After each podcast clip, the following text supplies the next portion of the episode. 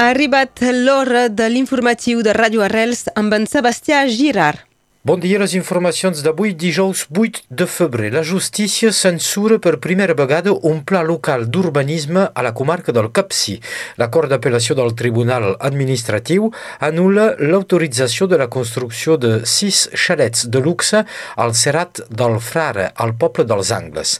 La Frena 66 i el col·lectiu Bien Vivre al Pirineu català, que van portar el cas davant de la justícia, es feliciten d'aquesta decisió que preserva l'espai natural i fan remarcar en un comunicat que el 89% de les cases construïdes als angles ja són de segona residència. L'aeroport de Perpinyà anuncia noves destinacions. A partir del mes de març i fins a l'octubre s'afegiran rotacions amb cinc països des de la Llevanera fins a França, Anglaterra, Bèlgica, Irlanda i el Marroc. La companyia Ryanair confirma vols regulars cap a Londres, Leeds, Dublín, Brussel·les, Agadir i Marrakech, del seu ban, la companyia Transavia augmentarà el nombre de rotacions entre Perpinyà i l'aeroport d'Orly a París.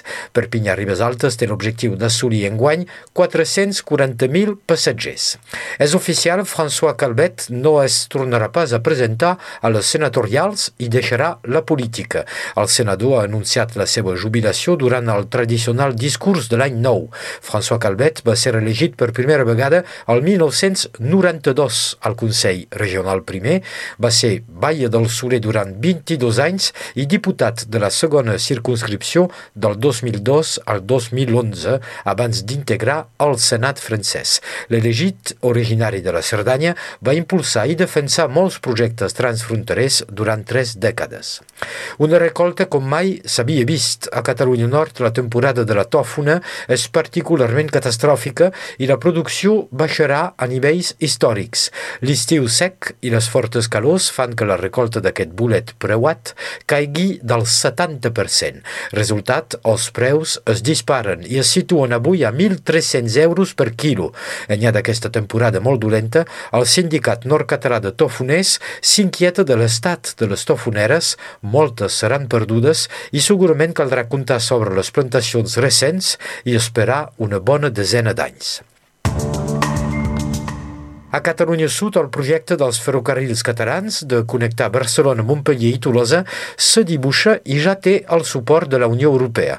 Els trens catalans s'han posicionat sobre el mercat euroregional amb tres línies noves de Barcelona cap a Montpellier i Tolosa, més un tren de nit entre Barcelona i Amsterdam.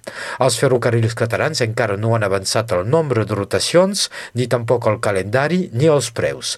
La Unió Europea certifica que els facilitarà els tràmits administratius per promocionar els transports euroregionals via el camí de ferro. Sempre al sud, el canal d'Urgell i el canal d'Aragó i Catalunya seran modernitzats amb una inversió de més de 50 milions d'euros. L'objectiu és d'augmentar l'eficàcia hidràulica i energètica d'aquests dos canals que permeten alimentar més de 150.000 hectares de terres a l'oest dels països catalans. S'hi faran obres per millorar la regulació, reduir les infiltracions i s'instal·laran bases de control i de repartició de la xarxa secundària.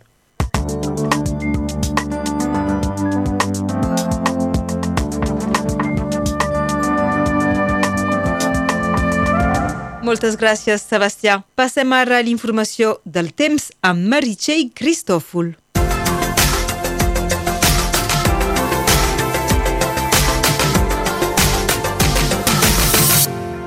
Dia. Possibles episodis de pluja aquesta tarda a la plana del Rosselló i al Vallespí. El vent baixa molt en intensitat. Avui les ràfegues màximes no despassaran els 15 km per hora. La neu s'invita a l'Alconflent, a Cerdanya i al Capcí. Les temperatures elles són estables. 9 graus a Perpinyà, 8 a Salses i a Banyuls de la Marenda, 4 a Cornellà del Conflent i a Serret, 1 a Sayagosa, menys 2 a Formiguera i menys 3 graus a Sant Pere dels Forcats. Aquesta tarda el sol es pondrà a les 6 hores i 10 minuts i avui celebrem Santa Jacalina.